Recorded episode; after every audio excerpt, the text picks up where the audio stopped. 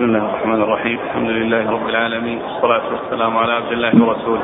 نبينا محمد وعلى آله وصحبه أجمعين. أما بعد.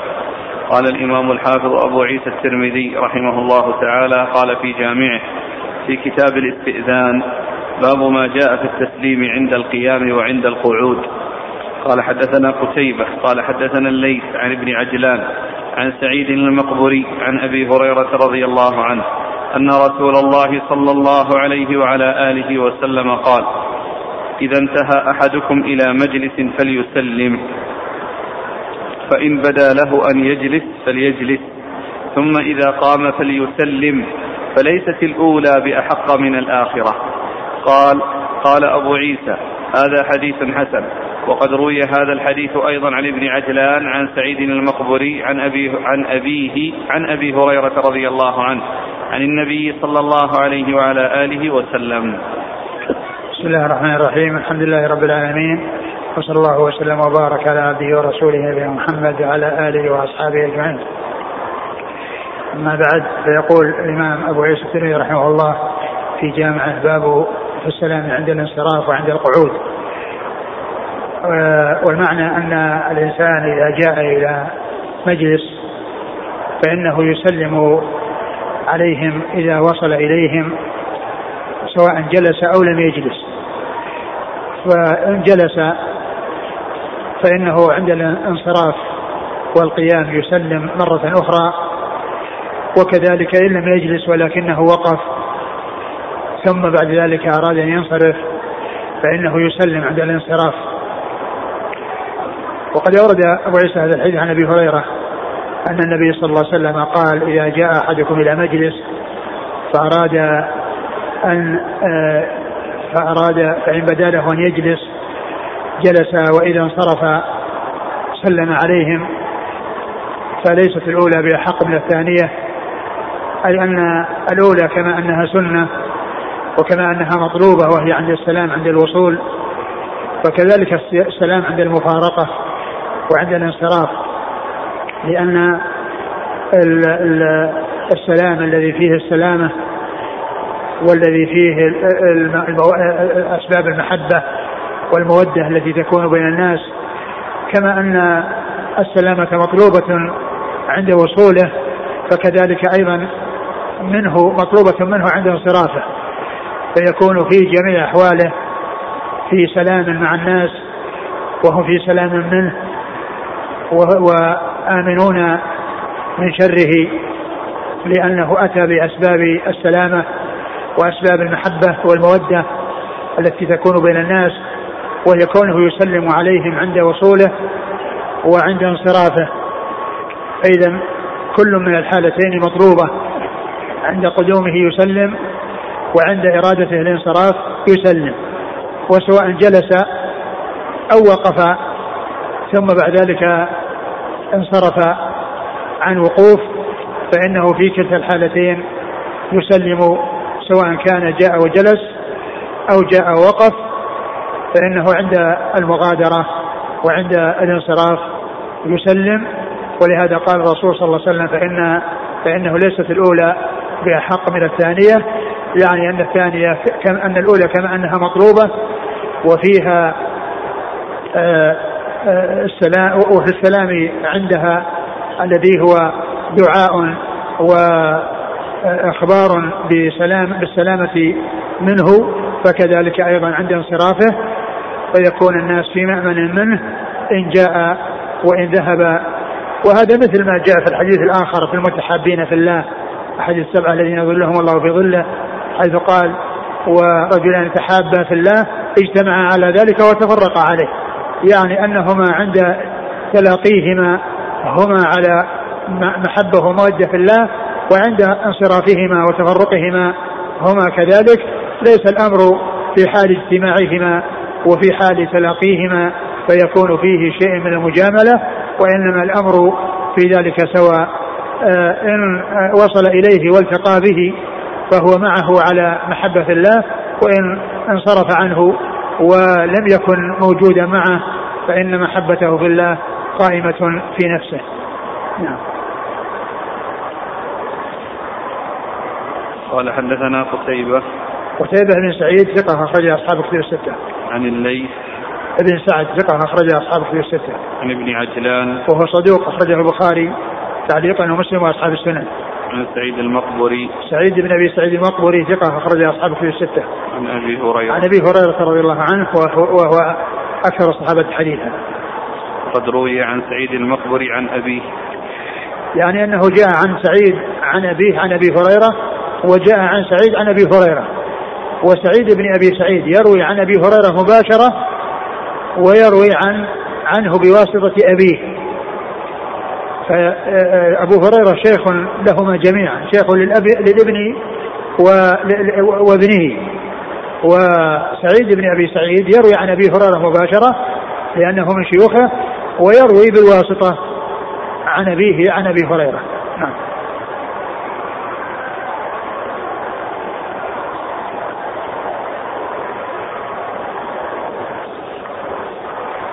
يقول هناك بعض الأشخاص يقولون عند الانصراف لفظ مع السلامة. هل هذا صحيح؟ يغني عن السلام؟ لا ما يغني. لأن مع السلامة هو سلام. السلام هو السلام عليكم وإذا أضاف مع السلامة يعني ما في بأس. يعني إذا أضاف يعني شيء مع السلام هل من السنة المصافحة عند الانصراف؟ المصافحة ليست بلازمة.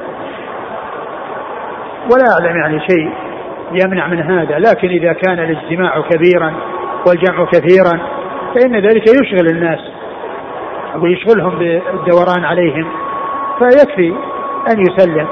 وأما إذا كان واحد أو اثنين فصافحهم عند اللقاء وصافحهم عند الانصراف ما نعلم شيء يمنع من هذا.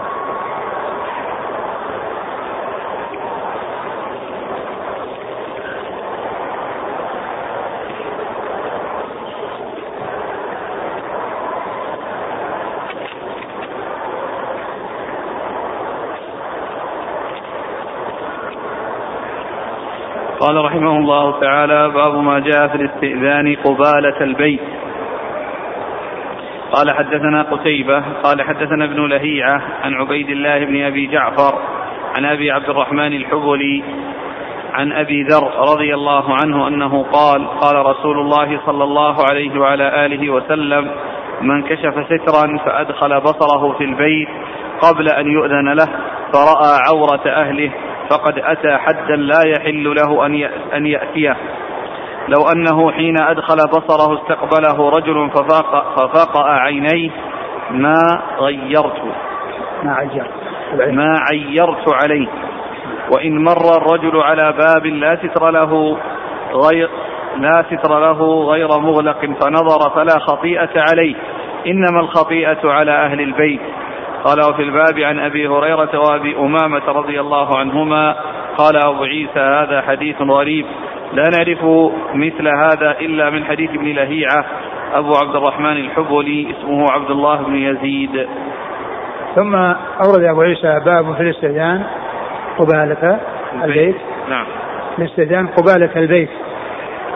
الإنسان يعني عندما يستأذن يعني يستأذن دون أن يستقبل الباب أو يستقبل البيت لأنه قد إذا انفتح يعني يرى يعني شيئا لا ينبغي أو قد يكون فيه ستارة والستارة يعني آه، يحركها الهواء يعني ستارة على الباب فيرى ما وراءه ولكنه لا يكون قبالته وإنما يستأذن وإذا أذن له وفتح وأذن له الدخول يدخل.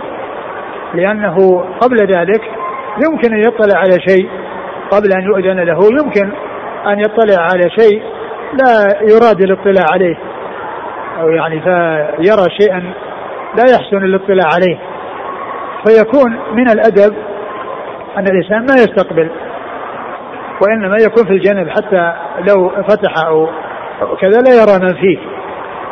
وقد أورد أبو عيسى هذا الحديث عن النبي صلى الله عليه وسلم أنه قال من كشف سترا فرأى يعني آه، شيئا فإنه قد أتى آه، شيئا من الحدود. يعني آه، الحدود المقصود المحرمة التي حرمها الله عز وجل.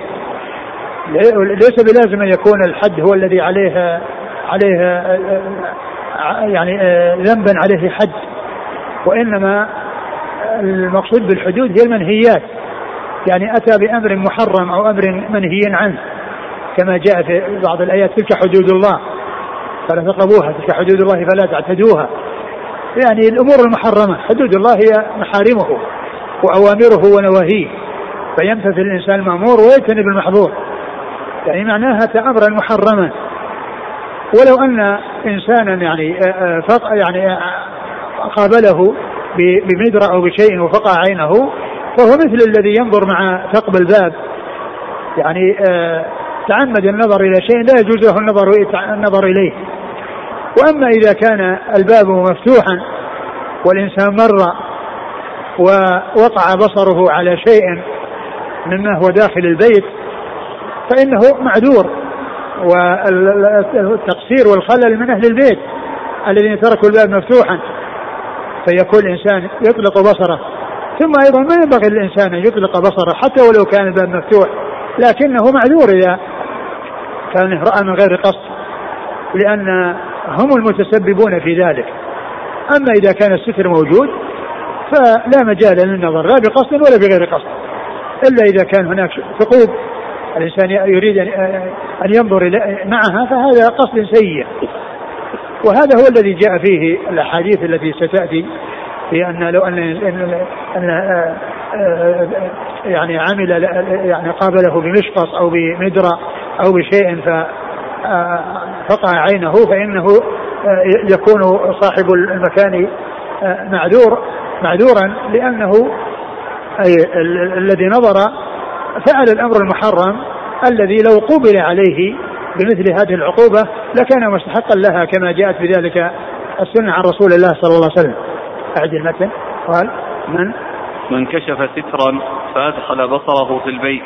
من كشف سترا يعني سواء كان يعني بابا فتحه أو ستارة على باب رفعها فإنه أطلق بصره بعد أن زال الستر الذي هو باب أو ستارة على الباب.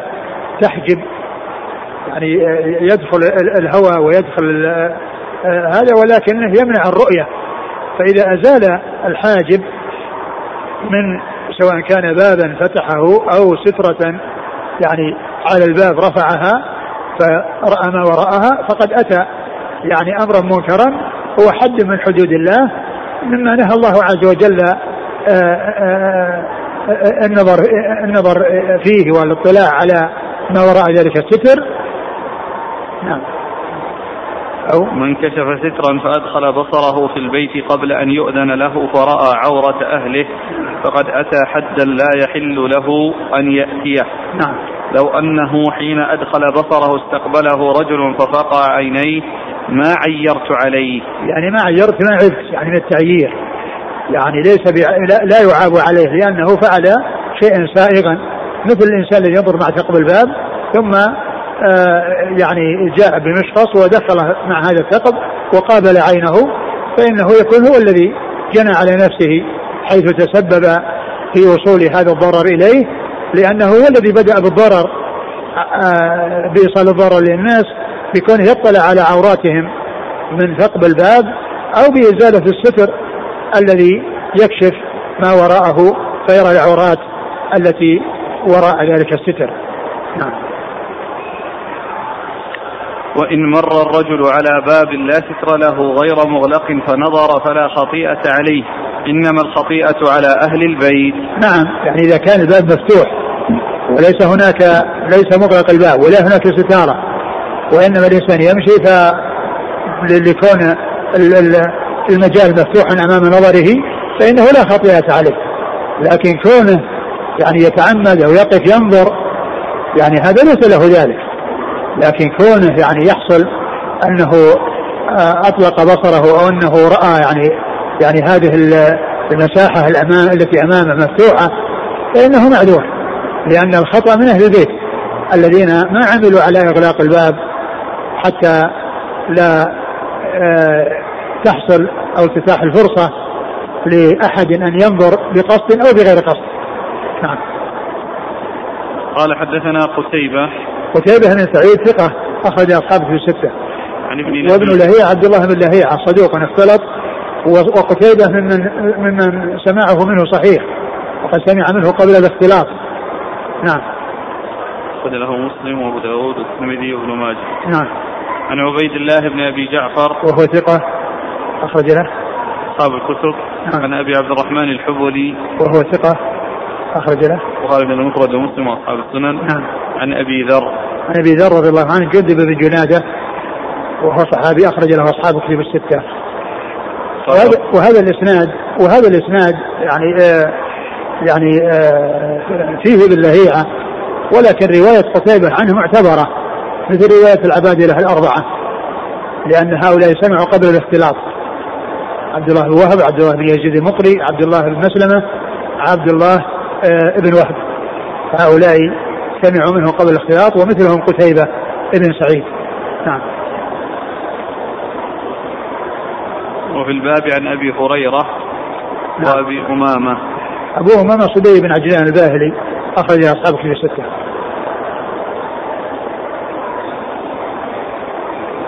والشيخ ناصر ضعف هذا ولا أدري وجه تضعيفه.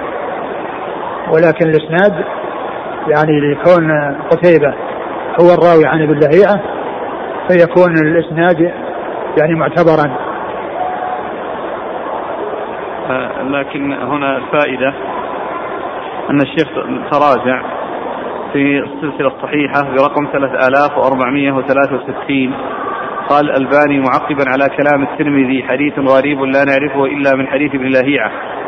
قال ابن لهيعة صدوق لكنه أصيب بسوء الحفظ.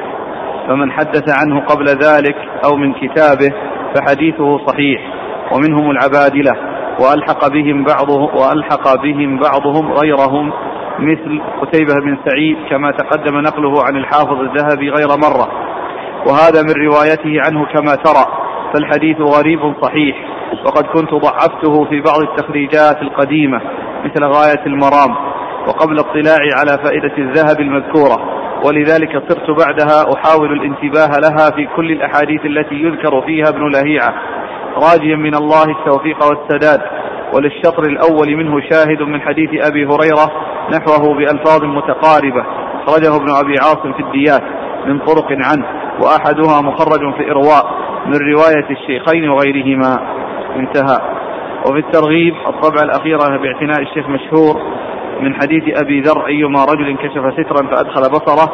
قال المنذري رواه أحمد ورواته رواة الصحيح إلا ابن لهيعة ورواه الترمذي وقال حديث غريب حسن. قال الألباني في الهامش عند كلمة حسن التحسين المذكور لم يرد في بعض المطبوعات من السنن فلعلها كانت في نسخة المؤلف منه. وهو اللائق بحال إسناده لأن فيه من رواية قتيبة بن سعيد وهو صحيح الحديث عن ابن لهيعة ولذا خرجته في الصحيحة رقم 3463 نعم.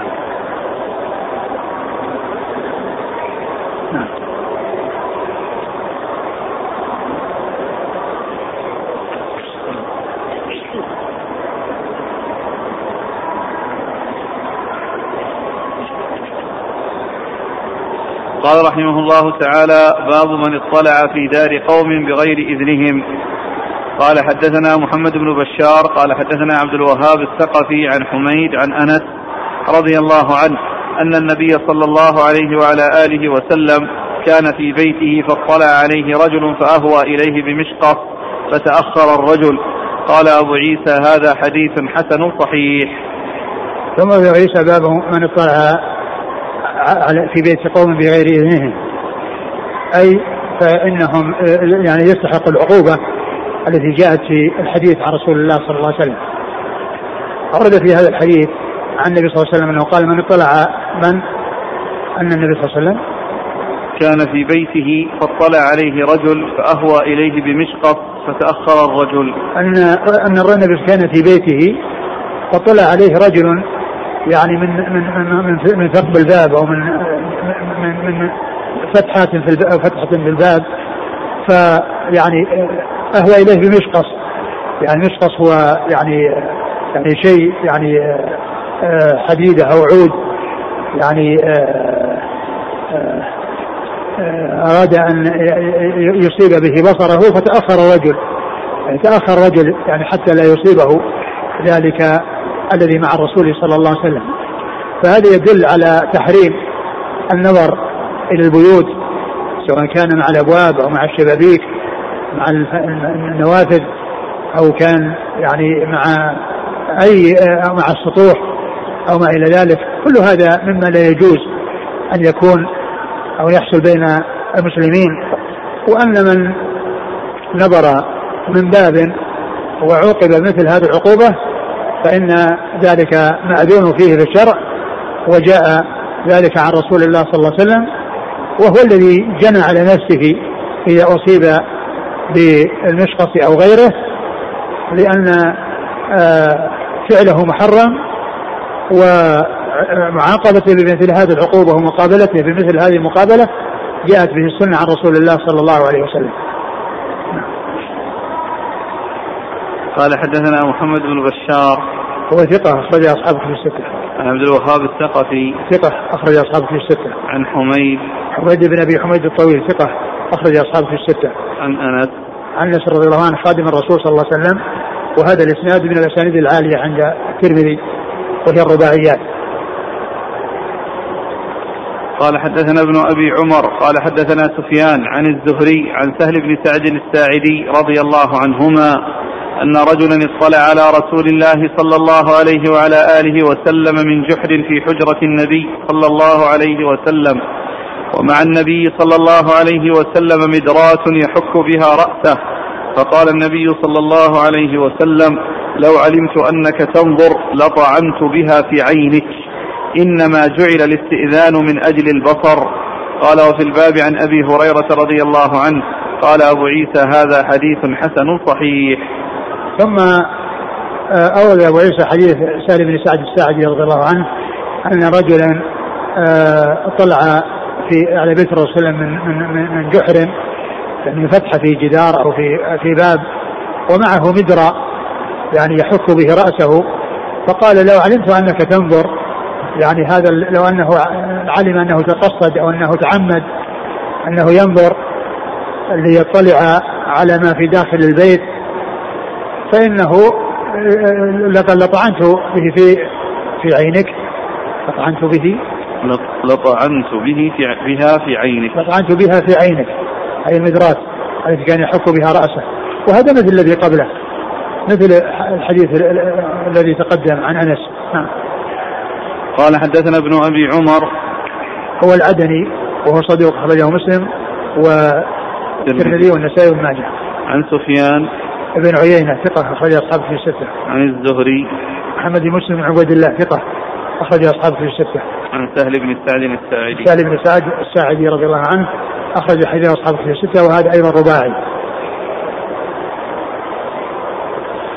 قال رحمه الله تعالى باب ما جاء في التسليم قبل الاستئذان قال حدثنا سفيان بن وكيع قال حدثنا روح بن عبادة عن ابن جريج قال أخبرني عمرو بن أبي سفيان أن عمرو بن عبد الله بن بن صفوان أخبره أن كلدة بن حنبل رضي الله عنه أخبره أن صفوان بن أمية رضي الله عنه بعثه بلبن ولبأ وضغابيت.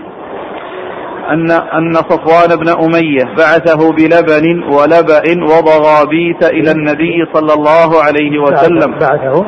بلبن ولبأ نعم. وضغابيت إلى النبي صلى الله عليه وسلم والنبي صلى الله عليه وسلم بأعلى الوادي. قال فدخلت عليه ولم أسلم ولم أستأذن. فقال النبي صلى الله عليه وسلم ارجع. فقل السلام عليكم أأدخل؟ وذلك بعدما أسلم صفوان. قال عمرو وأخبرني بهذا الحديث أمية بن صفوان ولم يقل سمعته من كلدة. قال أبو عيسى هذا حديث حسن غريب لا نعرفه إلا من حديث ابن جريج. وأخبرني قال وأخبرني بهذا الحديث أمية بن صفوان ولم يقل سمعته من كلدة. قال أبو عيسى هذا حديث حسن غريب لا نعرفه إلا من حديث ابن جريج ورواه أبو عاصم أيضا عن ابن جريج مثل هذا وضغابيث هو حشيش يؤكل. ثم أورد أبو عيسى باب التسليم قبل الاستئذان. باب التسليم قبل الاستئذان. يعني أن الإنسان عندما يأتي فإنه يسلم أولا ثم يستأذن. ولهذا يعني آه، جاءت السنة يعني بذلك عن رسول الله صلى الله عليه وسلم. و وأورد هذا الحديث الذي دخل دون أن يسلم ويستأذن فقال أرجع واستأذن وأسلم واستأذن. قال السلام عليكم أدخل وجاء في بعض الأحاديث آه، الرجل الذي آه، عند الباب وقال أدخل أعالج. فالرسول صلى الله عليه وسلم قال لمن كان عنده اذهب إليه. وعلمه يعني الاستئذان يقول السلام عليكم أدخل فكان ذلك الرجل الذي وراء الباب سمع كلام الرسول صلى الله عليه وسلم مع هذا الذي أراد أن يبلغه. فقال السلام عليكم أدخل فأذن له رسول الله صلى الله عليه وسلم. فدل هذا على أن على أن السلام يكون قبل. السلام يكون قبل. مثل ما جاء مر في حديث أبي موسى مع عمر. السلام عليكم أدخل السلام عليكم أدخل فيكون السلام قبل قبل الاستئذان. الاستئذان هو أدخل طلب الإذن بالدخول. والسلام السلام عليكم. فيبدأ بالسلام قبل الاستئذان. نعم. قال حدثنا سفيان بن وكيع. هو هو صدوق ابتلي بوراقه وأدخل فيه ما ليس من حديثه ونصح ولم ينتصح فترك حديثه. لكن الحديث جاء من طرق أخرى عند أبي داود. وعند غيره من غير هذا الطريق. نعم. رجل الترمذي وابن ماجه. عن روح بن عبادة. هو ثقة أخرج أصحاب في الستة. عن ابن جريج. هو ثقة أخرج أصحاب في الستة. عن عمرو بن أبي سفيان. هو صدوق أخرج له. ثقة. أخرج له. قال في المفرد وأبو داود والترمذي والنسائي. نعم. عن عمرو بن عبد الله بن صفوان. وهو؟ صدوق. نعم. البخاري في المفرد وأصحاب السنة. نعم. عن كلدة بن حنبل. وهو صحابي أخرج له. قال في المفرد وأبو داود والترمذي والنسائي. نعم. قال عمرو وأخبرني بهذا الحديث أمية بن صفوان. وهو مقبول أخرج له. قال في المفرد وأبو داود والترمذي والنسائي. نعم. ولم يقل سمعته من كلدة. نعم. قال أبو عيسى هذا حديث حسن غريب لم يفل من حديث ابن جريج ورواه أبو عاصم عن ابن جريج. أبو عاصم هو الضحاك المخلد النبي ثقة. أخرج اصحابه في السته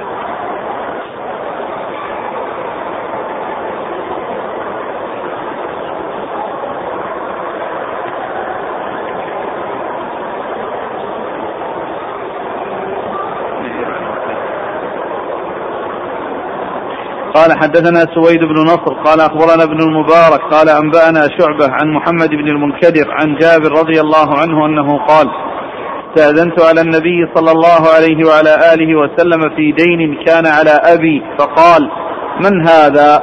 فقلت أنا. فقال أنا أنا. كأنه كره ذلك. قال أبو عيسى هذا حديث حسن صحيح. ثم ذكر حديث جابر. أنه جاء إلى النبي صلى الله عليه وسلم في دين على أبيه. يعني جاء ليكلمه في دين على أبيه. يعني هذا هو الذي جاء من اجيه فاستأذن فقال من؟ فقال جابر أنا. فالرسول صلى الله عليه وسلم قال أنا أنا يعني يعني كان منكرا لذلك لأن الإنسان إذا سئل من يذكر اسمه أو يذكر الشيء الذي يعرف به. أما كلمة أنا فإن كل واحد يقول أنا. كل واحد يقول أنا ولا يحصل بها المقصود. وإنما المقصود بأن يقول أنا فلان ابن فلان. أو يذكر عن شيء يعرف به. هذا هو الجواب لمن آه، سئل يعني آه، من وراء الباب أو من الطارق أو من المستأذن. فإنه لا يقول أنا لأن هذه ضمير. كل واحد يقول أنا. ولا يحصل بها التعريف.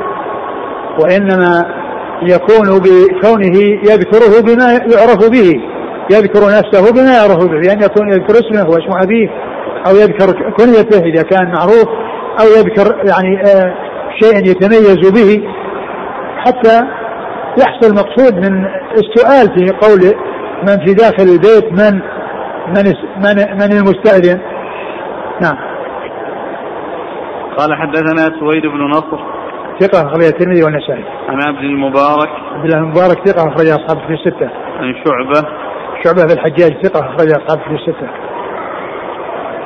عن محمد بن المنكدر. وهو ثقة أخرج أصحاب في الستة.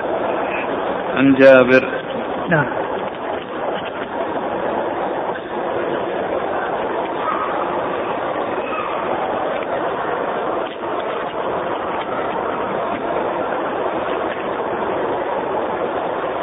قال رحمه الله تعالى باب ما جاء في كراهية طروق الرجل أهله ليلا. قال أخبرنا أحمد بن منيع قال حدثنا سفيان بن عيينة عن الأسود بن قيس عن نبيح العنزي عن جابر رضي الله عنه أن النبي صلى الله عليه وعلى آله وسلم نهاهم أن يطرقوا النساء ليلا. وفي الباب عن أنس وابن عمر وابن عباس رضي الله عنهم قال أبو عيسى هذا حديث حسن صحيح. وقد روي من غير وجه عن جابر عن النبي صلى الله عليه وسلم وقد روي عن ابن عباس رضي الله عنهما أن النبي صلى الله عليه وعلى آله وسلم نهاهم أن يطرقوا النساء ليلا. قال فطرق رجلان بعد نهي النبي صلى الله عليه وسلم فوجد كل واحد منهما مع امرأته رجلا. ثم أبو عيسى باب النهي عن الطرق ليلا. يعني الإنسان مسافر إذا قدم من سفر لا يقدم على أهله ليلا فيطرق عليهم الباب ويكونون يعني ليسوا على علم به. وهذا الطرق يعني إما أن يكون يعني يكون يأتي بالليل إما أنه يتخون بمعنى أنه يعني يشك بأنه يعني يحصل منه شك في أهله أو لأنه آه، لا يجعلهم يستعدون له ويتهيئون. بأن يعني يزيلوا ما فيهم من شعث ويكونون على هيئة يرضاها الزوج إذا دخل على أهله. فيكون النهي عن الطرق إما من جهة آه، التحون لا يتحونهم ولا يتهمهم ولا يقع في نفسه مثل ذلك وكذلك أيضا يعني لا آه، يجعلهم آه، يباغتهم فيكون آه، يكون مظهرا لا يريدونه لا يريدون لا يريدون أن يظهروا به أمام الزوج بل يأتيهم يعني في آه، في وقت أو في يأتيهم في النهار. وأما إذا كان مثل هذا الزمان الاتصالات يعني متصلة متيسرة يمكن انه يتصل بهم يعني بعد قبل أن يصل بمدة ويكون يستعدون له فإنه لا محذور في ذلك لأن المحذور أن يباغتهم وأن يحصل منه شيء لا يعجبهم. أما إذا كان عندهم علم بأن يستعدوا ويتهيأوا ويذهب المحذور الذي أريد من أجله عدم الطرق وهي أن عدم تمكين المرأة من التهيؤ للزوج فإن ذلك إذا تحقق وحصل الاستعداد فإنه لا بأس بذلك. نعم.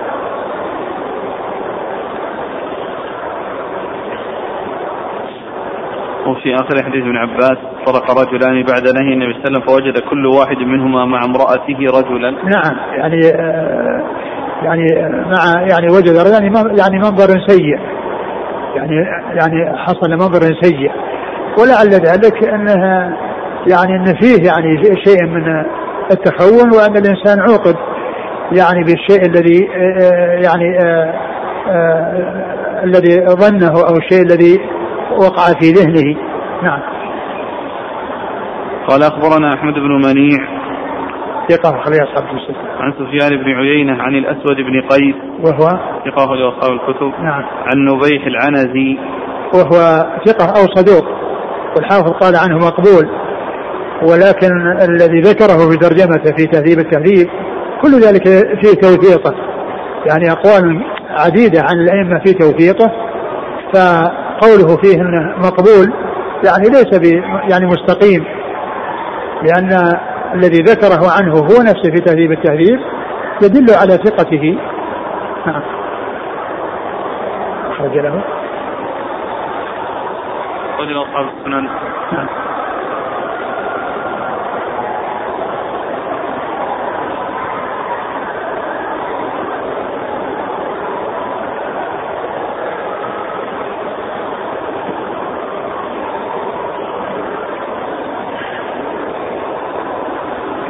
قال وفي الباب عن أنس وابن عمر وابن عباس. نعم. نقرأ كلام النووي نقله الشارح. نعم.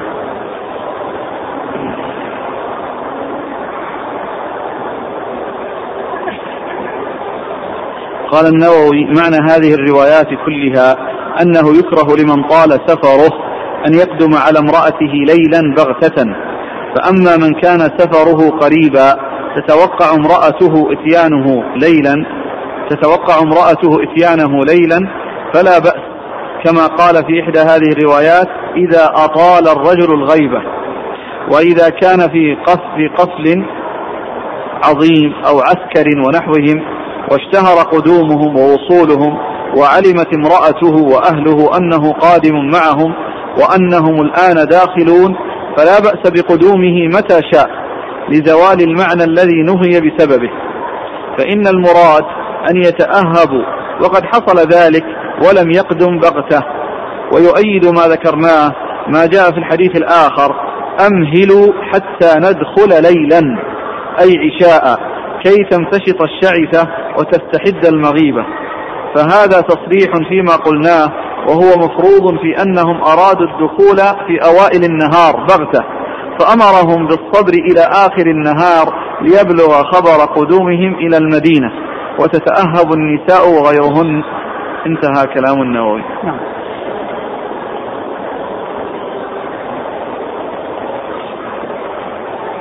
قال رحمه الله تعالى باب ما جاء في تتريب الكتاب. قال حدثنا محمود بن غيلان قال حدثنا شبابة عن حمزة عن أبي الزبير عن جابر رضي الله عنه أن رسول الله صلى الله عليه وسلم قال إذا كتب أحدكم كتابا فليتربه فإنه أنجح للحاجة. قال أبو عيسى هذا حديث منكر لا نعرفه عن أبي الزبير إلا من هذا الوجه. قال وحمزة هو عندي ابن عمرو النصيبي هو ضعيف في الحديث. ثم أورد ويسعى كريم باب في تتريب الكتاب. الكتاب الذي يكتب إذا كتب الكتاب ليرسل إلى أحد فالحبر يعني يكون يعني آه يعني بلل الحبر موجود. فإذا يعني يحرك أو ضم بعضه إلى بعض يعني يسيل بعضه على بعض فلا يفهم الكتاب. لكن إذا وضع عليه تراب جففه. يعني جفف يعني ذلك الحبر. فصار أمن سيلان الحبر وكون بعضه يغطي على بعض.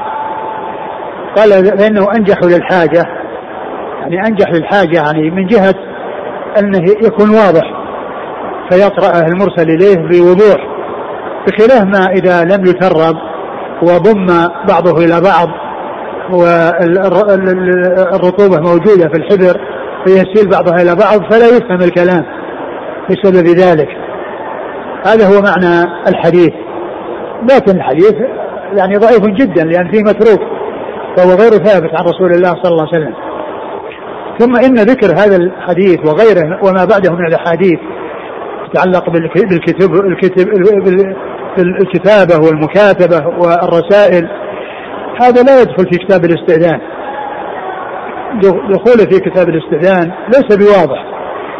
وهذا مما يقوي أن يكون أنه كما في بعض النسخ يعني كتاب الاستئذان والآداب. فيكون هذا من قبيل الآداب يعني يدخل في الآداب ولكن لا يدخل في الاستئذان.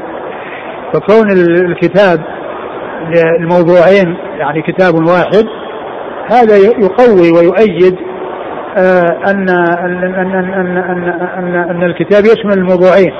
اللي هي الاستئذان والآداب لأن هذا من جملة الآداب. وقد جاء ذكر السلام قبله وبعده يعني بعد ما يتعلق بالكتابة. فيكون آه، يعني وجه دخوله على اعتبار أن الكتابين كتاب واحد. وهذا الموجود في بعض النسخ. الموجود في بعض النسخ كتاب الاستئذان والآداب.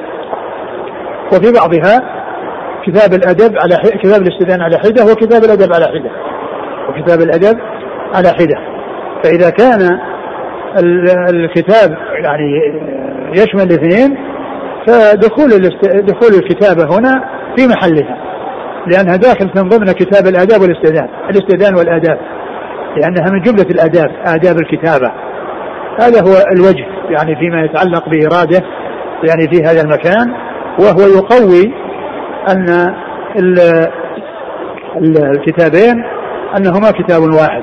وهذا موجود في بعض النسخ. نسخة الشارح. في نسخة الشارح ونسخة الشيخ ناصر.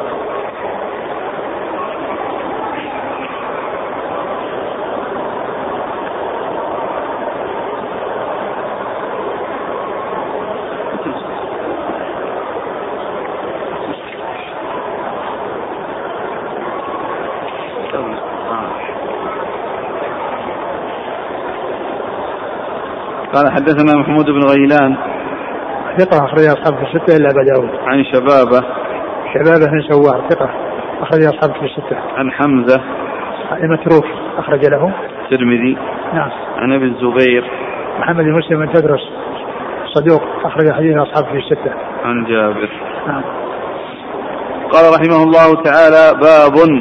قال حدثنا قتيبة قال حدثنا عبد الله بن الحارث. عن عنبسة عن محمد بن زادان عن أم سعد عن زيد بن ثابت رضي الله عنه أنه قال دخلت على رسول الله صلى الله عليه وآله وسلم وبين يديه كاتب فسمعته يقول ضع القلم على أذنك فإنه أذكر للمملي قال أبو عيسى هذا حديث غريب لا نعرفه إلا من هذا الوجه وهو إسناد ضعيف وعنبسة بن عبد الرحمن ومحمد بن زادان يضعفان في الحديث. ثم أورد بعد ذلك باب وأورد فيه يعني هذا الحديث الذي يتعلق بوضع القلم على الأذن يعني فوق الأذن ويعني قال من هو؟ من الصحابي؟ زيد؟ زيد دخل على النبي صلى الله عليه وسلم. نعم ومعه عنده؟ وبين يديه كاتب. وبين يديه كاتب فالنبي صلى الله عليه وسلم قال له ضع القلم على أذنك فإنه أذكر للمملي. ف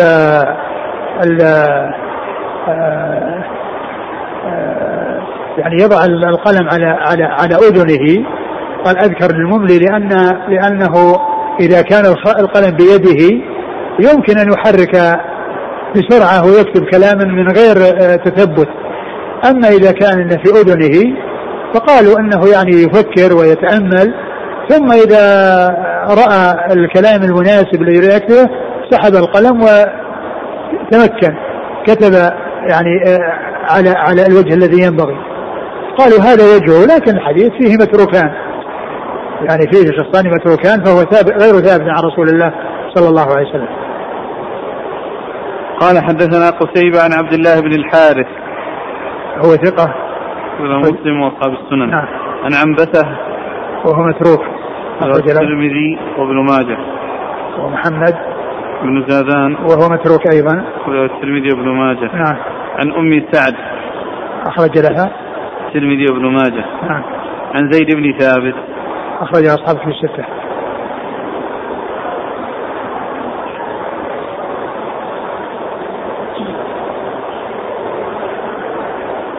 قال رحمه الله تعالى باب ما جاء في تعليم السريانية.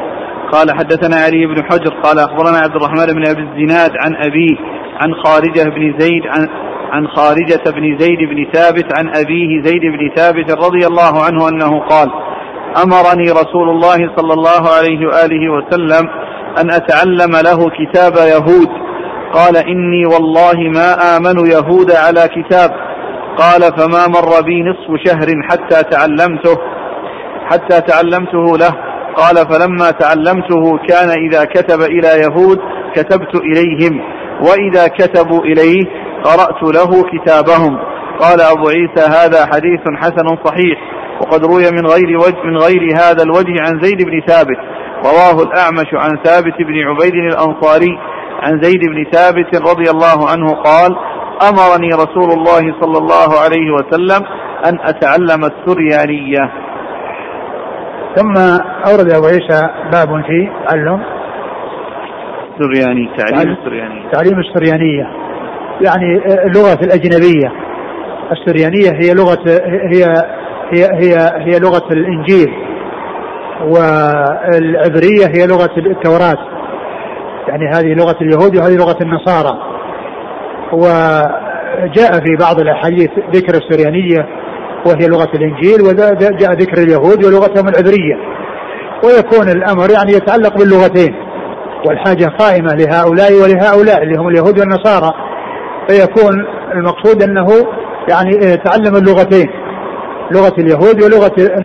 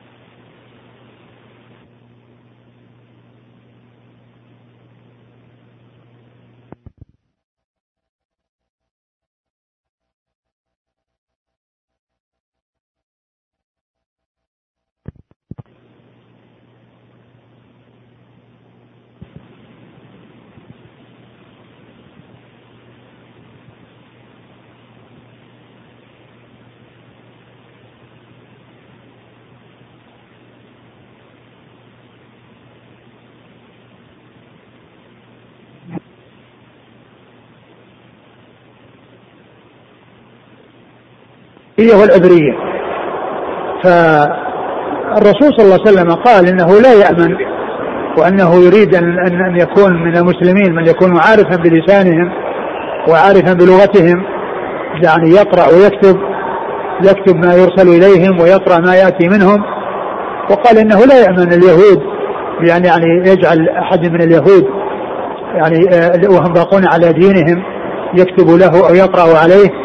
وإنما يريد أن يكون أحد من المسلمين يتعلم هذه اللغة أو هذه يعني هذه اللغات حتى يتمكن أو يطمئن إلى صحة ما يكتب فيما يرسل إليهم وصحة ما يقرأ مما جاء من عندهم. فكان زيد بن ثابت رضي الله عنه قام بذلك وعرف وتمكن من معرفة ذلك في مدة آه، نصف شهر. رضي الله تعالى عنه وأرضاه فكان يكتب للرسول صلى الله عليه وسلم ما يرسله ويقرأ عليه ما يأتي منهم نعم. قال حدثنا علي بن حجر ثقة أخرج أصحاب البخاري والمسلم والترمذي والنسائي. عن عبد الرحمن بن أبي الزناد وهو صدوق أخرج له البخاري تعليقا مسلم في المقدمة وأصحاب السنن. نعم. عن أبيه عبد الله بن ذكوان أبو الزناد ثقة أخرج أصحابه في الستة. عن خارجة بن زيد وهو ثقة فقيه أحد فقهاء المدينة السبعة في عصر التابعين أخرج له أصحاب كتب الستة. عن أبيه زيد بن ثابت. أخرج له أصحاب كتب الستة. ورواه الأعمش. سليمان بن مهران ثقة. أخرج أصحاب كتب الستة. عن ثابت بن عبيد الأنصاري. هو ثقة البخاري المفرد ومسلم وأصحاب السنة. نعم. قال رحمه الله تعالى باب في مكاتبة المشركين قال حدثنا يوسف بن حماد البصري قال حدثنا عبد الأعلى عن سعيد عن قتادة عن أنس رضي الله عنه أن رسول الله صلى الله عليه وسلم كتب قبل موته إلى كسرى وإلى قيصر وإلى النجاشي وإلى كل جبار يدعوهم إلى الله وليس بالنجاشي الذي صلى عليه النبي صلى الله عليه وسلم. قال أبو عيسى هذا حديث حسن صحيح غريب. ثم روي أبو عيسى باب مكاتبة المشركين أي الكتابه إليهم يعني لدعوتهم للإسلام أو لغير ذلك من الأمور التي يحتاج إليها يعني معهم. فإن كل ذلك ثابت عن رسول الله صلى الله عليه وسلم. ففيه الكتابة التي حصلت منه صلى الله عليه وسلم إلى الملوك وزعماء الكفار يعني كتب إلى كسرى وإلى قيصر وإلى النجاشي وإلى غيرهم من ال ال ال الولاة الذين هم ولاة للكفار كفارا على كفار يدعوهم إلى الإسلام. كما جاء في هذا الحديث الذي ذكره المصنف. وكذلك أيضا كان في غير يعني ما يتعلق بدعوة الإسلام كان يكتب إلى سهيل بن عمرو في مكة ليرسل له من ماء زمزم فالمكاتبة للمشركين وكتابة للكفار في أمور يعني يحتاج إليها سواء في الدعوة إلى الإسلام أو غيره كل ذلك سائغ لا بأس به وقد ثبت عن رسول الله صلى الله, صلى الله عليه وسلم قال حدثنا يوسف بن حماد البصري آه هو ثقة أخرجه مسلم والترمذي والنسائي بن ماجه. نعم. عن عبد الأعلى هو ثقة أخرج أصحابه في الستة. عن سعيد عن قتادة. سعيد بن أبي عروبة ثقة أخرج أصحابه في الستة وقتادة ثقة أخرج أصحابه في الستة. عن أنس. نعم. كتب إلى كسرى وقيصر والنجاشي وليس بالنجاشي الذي صلى عليه النبي صلى الله عليه وسلم. نعم يعني نجاشي آخر لأن النجاشي لقب لملك الحبشة كما أن كسرى لقب لملك الفرس وقيصر آه، لقب لملك الروم فهذه ألقاب وإلا فإن ملك الروم اسمه هرقل اسمه هرقل ولقبه قيصر. نعم. قال رحمه الله تعالى باب ما جاء كيف يكتب إلى أهل الشرك.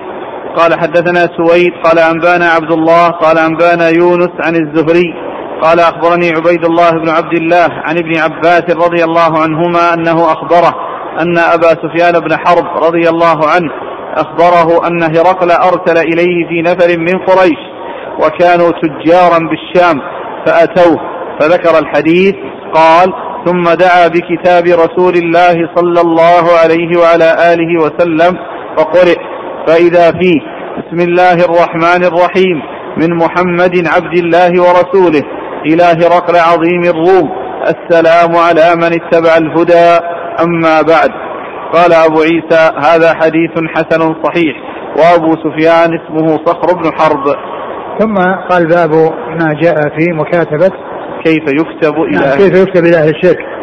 كيف يكتب؟ يعني كيف تكون الكتابة؟ ما هي طريقة الكتابة؟ ما هي الآداب التي تسلك في الكتابة؟ فجاء في هذا الحديث الحديث الذي هو حديث ابن عباس في قصة آه، أبي سفيان وهرقل. وأن الرسول صلى الله عليه وسلم كتب الكتاب الذي آه الذي بعثه إلى هرقل وأن أبا سفيان في حال كفره لما كان بالشام ومعه جماعة في تجارة ذهبوا للشام في تجارة وقد كان آه كتاب الرسول صلى الله عليه وسلم وصل إلى إلى قيصر فسأل عن قوم من العرب في بلاده فأخبر بأن في بأن فيه جماعة وفيهم أبو سفيان. فطلب منهم أن يحضروا فحضروا. و والحديث مطول ومختصر والترمذي رحمه الله اختصره وهو مطول في أول صحيح البخاري. حديث طويل. جاء أنه لما حضروا احضروا إليه قدم أبا سفيان وصار أمامهم وأولئك صف وراءه. وجعل يسأل هرقل هرقل يسأل أبا سفيان ويقول إن إن, إن كذب فكذبوه. إذا حصل منه شيء غير صحيح فأنتم نبهوني على ذلك. وجعله أمامهم بحيث يعني لا لا يراهم. وإنما يعني المخاطبة بينه وأولئك وراءه. فكان حريصا على أن يجد شيئا يلمز به الرسول صلى الله عليه وسلم في حال كفره. وكان كل ما سأله أجابه. بجواب استنتج منه هرقل أنه رسول الله صلى الله عليه وسلم لأن هذه الصفات التي فيه هي صفات الأنبياء. ولم يكن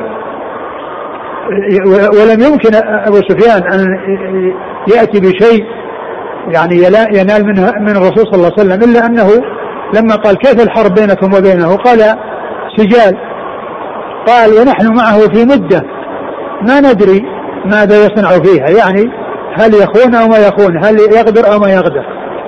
قال وما استطعت إلا هذه الكلمة. يعني فيه بيننا وبين الصلح لمده عشر سنين ولا ندري إيش يسوي. يعني فهذا هو كل ما أراد أو تمكن من آه لمز الرسول صلى الله عليه وسلم به وكل ما أجاب به.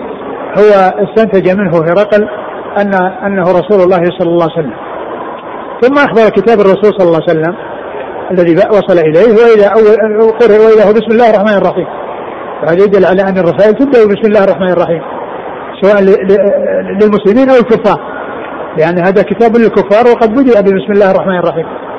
ثم أيضا قال من محمد عبد الله ورسوله إلى هرقل عظيم الروم؟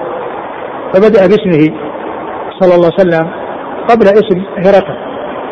ثم أيضا لما ذكر هرقل وذكر اسمه ذكر شيئا هو الواقع بالنسبة لحقه وهو أنه عظيم الروم. الناس يعظم الروم يعظمونه هو عظيم عندهم.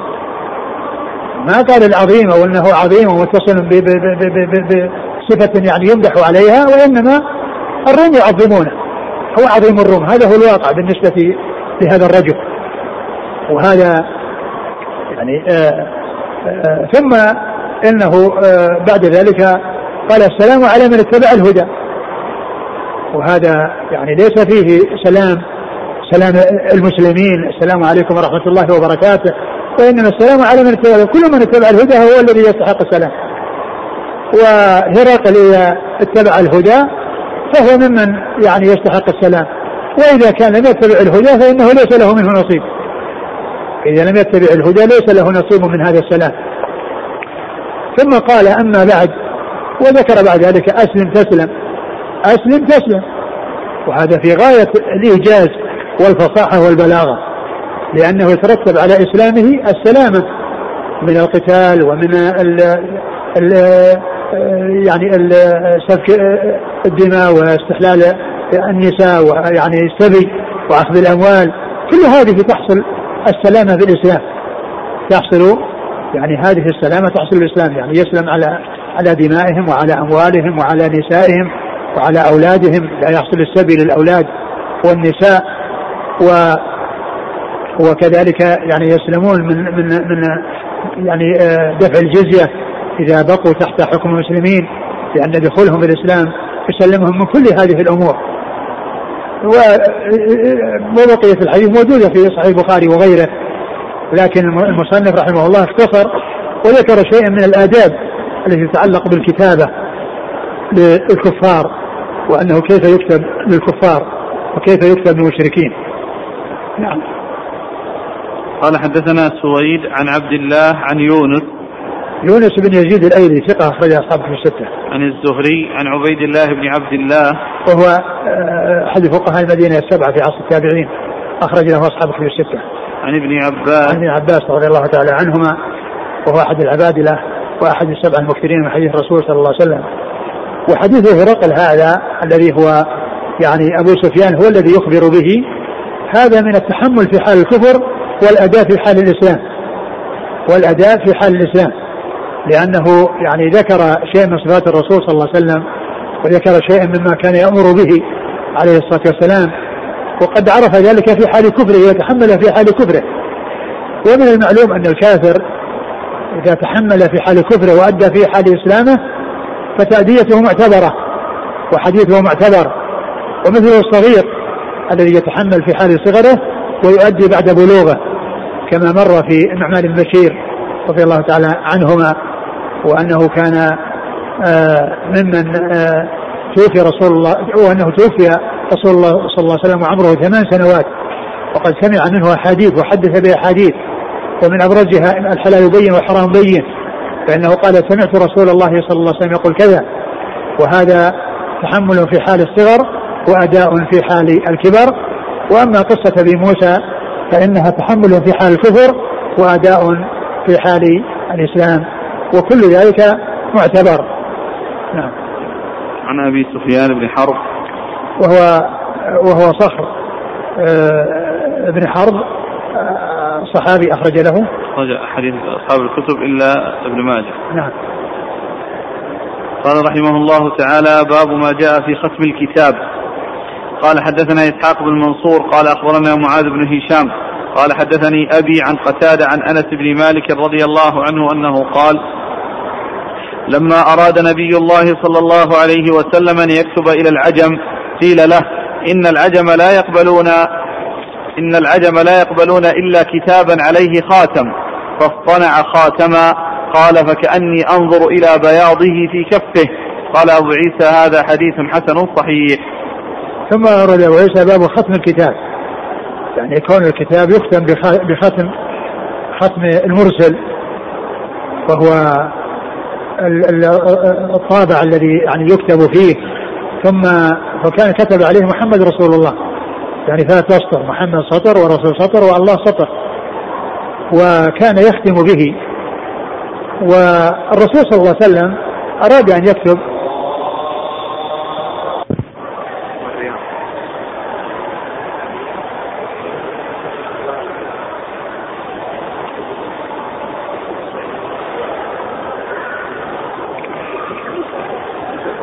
وهذا الحديث فيه بيان أصل اتخاذ الخاتم وأنه صلى الله عليه وسلم اتخذه لما قيل له إنه أنهم لا يعني لا يقبلون الكتاب إلا إذا كان مختوما. فاتخذ خاتما من فضة عليه الصلاة والسلام وكان يختم به رسائله التي يرسلها إلى إلى الزعماء من الكفار. وهذا هو أصل اتخاذ الخاتم. يقول أنس كأني أنظر إلى بياضه في آه، آه، يد رسول الله صلى الله عليه وسلم. يعني أنه كان وضعه في في يده وكأني أنظر إليه. يعني يخبر بأن كأنه يراه الآن. يعني يبرق يعني بريقه ولمعانه في يده صلى الله عليه وسلم. فهذا يعني فيه مراعاة. يعني ما يعني يطلبه من يرسل إليهم إذا كان لا يعتبرون الكتاب إلا بطريقة معينة مثل هذا الذي جاء في الحديث أنهم لا يقبلونه إلا مختوما فإنه اتخذ الشيء الذي يجعلهم يقبلونه يعني المقصود وصول الكتاب إليهم واستفادتهم منه فإذا كان لا يقبلونه بدون ختم فيعني فإذا كان لا يقبلونه إلا بختم حقق يعني هذا الشيء الذي يريدونه فاتخذ الخاتم صلى الله عليه وسلم. قال حدثنا إسحاق بن منصور. هو الكوسج ثقة أخرج أصحاب في الستة إلا أبا داود. عن معاذ بن هشام. وهو صدوق أخرج له. أصحاب الكتب. نعم. عن أبي هشام الدستوائي ثقة أخرج أصحاب في الستة. عن قتادة عن أنس. نعم. انتهى. انتهى. والله أعلم وصلى الله وسلم وبارك على نبينا محمد وعلى آله وأصحابه أجمعين. جزاكم الله خيرا وبارك الله فيكم ألهمكم الله الصواب ووفقكم للحق ونفعنا الله بما سمعنا وغفر الله لنا ولكم وللمسلمين أجمعين. يقول السائل فهل الحديث دليل على أن لبس الخاتم ليس بسنة؟ لأن النبي صلى الله عليه وسلم لم يتخذه إلا لحاجة. نعم هذا يدل على أنه ليس بسنة وأن الذي لا يلبسه ما يترك ما كان ترك سنة. نعم.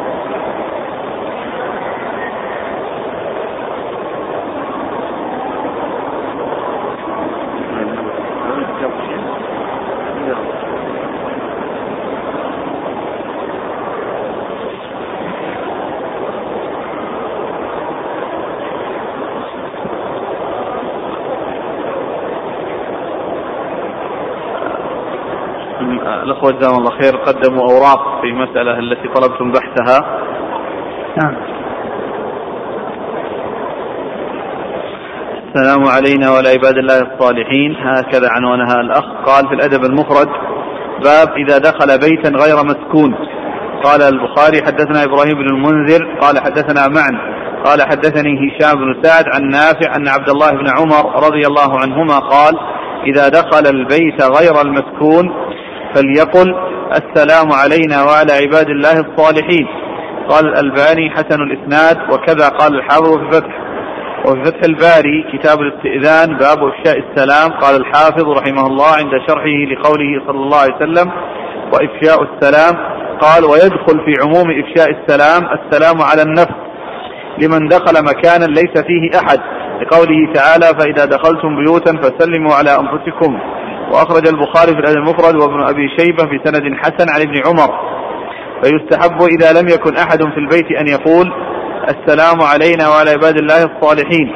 وأخرج الطبري عن ابن عباس ومن طريق كل من علقمة وعطاء ومجاهد نحوه. وفي تفسير ابن كثير عند سورة في سورة النور عند الآية فإذا دخلتم بيوتا فسلموا على أنفسكم. ذكر أقوال منها قال قتادة إذا دخلت على أهلك فسلم عليهم وإذا دخلت بيتا ليس فيه أحد فقل السلام علينا وعلى عباد الله الصالحين فإنه كان يؤمر بذلك. وحدثنا أن الملائكة ترد عليهم ترد عليه. وحدثنا؟ وحدثنا؟ وحدثنا؟ وحدثنا أن الملائكة ترد عليه. وقال مجاهد إذا دخلت المسجد فقل السلام على رسول الله وإذا دخلت على أهلك فسلم عليهم. وإذا دخلت بيتا ليس فيه أحد فقل السلام علينا وعلى عباد الله الصالحين. انتهى من تفسير ابن كثير. وفي تفسير السعدي رحمه الله عند الآية نفسها قوله بيوتا نكرة في سياق الشرط يشمل بيت الإنسان وبيت غيره سواء كان في البيت ساكن أم لا. فإذا دخلها الإنسان فسلموا على أنفسكم أي فليسلم بعضكم على بعض لأن المسلمين كأنهم شخص واحد من توادهم وتعاطفهم وترحمهم. فالسلام مشروع لدخول سائر البيوت من غير فرق بين بيت وبيت. والاستئذان تقدم أن فيه تفصيلا في أحكامه ثم مدح هذا السلام فقال تحية من عند الله مباركة طيبة. أي سلامكم بقولكم السلام عليكم ورحمة الله وبركاته. أو السلام علينا وعلى عباد الله الصالحين إذ تدخلون البيوت. انتهى. نعم هذه الآثار عن الصحابة. ولا شك أن الصحابة إذا جاء عنهم شيء فإن الأخذ به يعني آه، حيث لا يوجد يعني ما يعارضه يعني أمر مطلوب. ولكن بالنسبة للمرفوع هو ذكر عموم كلام الحافظ بن حجر عموم الحديث. لكن آه، بالنسبة للسلام على الأهل وعلى الناس اللي موجودين هذا ما فيه السلام عليكم. لكن كونه ما في أحد هذا هو الذي جاء عن ابن عباس وابن عمر. أنهم يعني يقولون السلام علينا وعلى عباد الله الصالحين. ولا شك أن ما جاء عن الصحابة يؤخذ به. أقول ما جاء عن الصحابة يؤخذ به. وأما كلمة سلموا على أنفسكم فإنها تطلق على يعني على يعني بعضهم لبعض مثل ما جاء في التفسير يسلم بعضكم على بعض. نعم. لكن إذا كان ما في أحد وقال السلام علينا وعلى عباد الله الصالحين سلم على نفسه وعلى كل عبد صالح. مثل ما هو موجود في التشهد. السلام علينا وعلى عباد الله الصالحين. قال تسلم على نفسك وعلى كل عبد صالح في السماء والأرض. على كل يعني هذه آثار اللي ذكرت اللي في مؤتلد المفرد عن الصحابة رضي الله عنهم. ولا شك أن الأخذ بما جاء عن الصحابة مطلوب.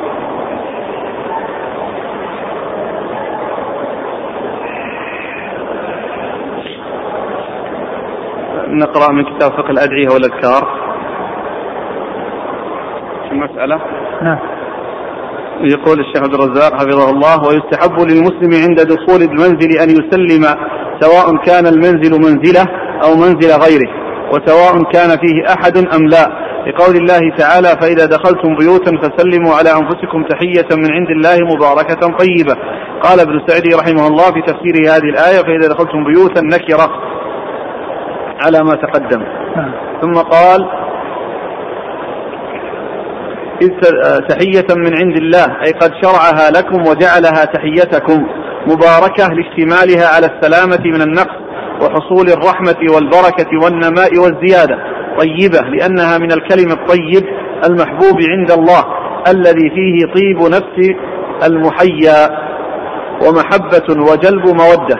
انتهى كلامه وقوله السلام علينا وعلى عباد الله الصالحين عند دخول المنزل ولا سيما غير غير المسكون ورد فيه حديث لكنه لم يثبت عن النبي صلى الله عليه وسلم بسند صحيح. ففي الموطأ للإمام مالك رحمه الله أنه بلغ أنه يستحب إذا دخل بيتا غير مسكون أن يقول السلام علينا وعلى عباد الله الصالحين. وورد فيه كذلك بعض الآثار عن قتادة رحمه الله. وغيره من السلف لكن الاقتصار على ما ثبتت به السنة وهو أن يقول السلام عليكم ورحمة الله وبركاته أسد وأكمل سواء كان في البيت ساكن أم لا. وقول الساك وقول السلام عليكم عند دخول المنزل فيه بركة على الإنسان وعلى أهل بيته كما دلت على هذه الآية المتقدمة.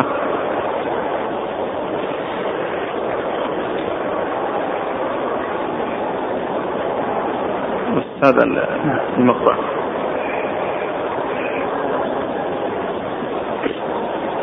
الباقي لعله نقرأ كلمة الأنفس تطلق على المقابل يعني يعني أنفسكم يعني يعني يسلم بعضكم على بعض وكذلك يعني اقتلوا أنفسكم يعني يقتل بعضكم بعضا.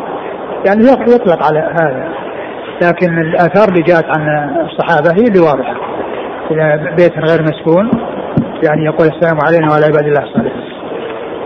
أو السلام عليكم ورحمة الله والله العبارة هذه اللي جاءت عن الصحابة لأنه ما جاء ما جاء شيء يعني خاص يعني إلا واضح إلا اللي جاء عن الصحابة. جزاك الله خيرا سبحانك اللهم وبحمدك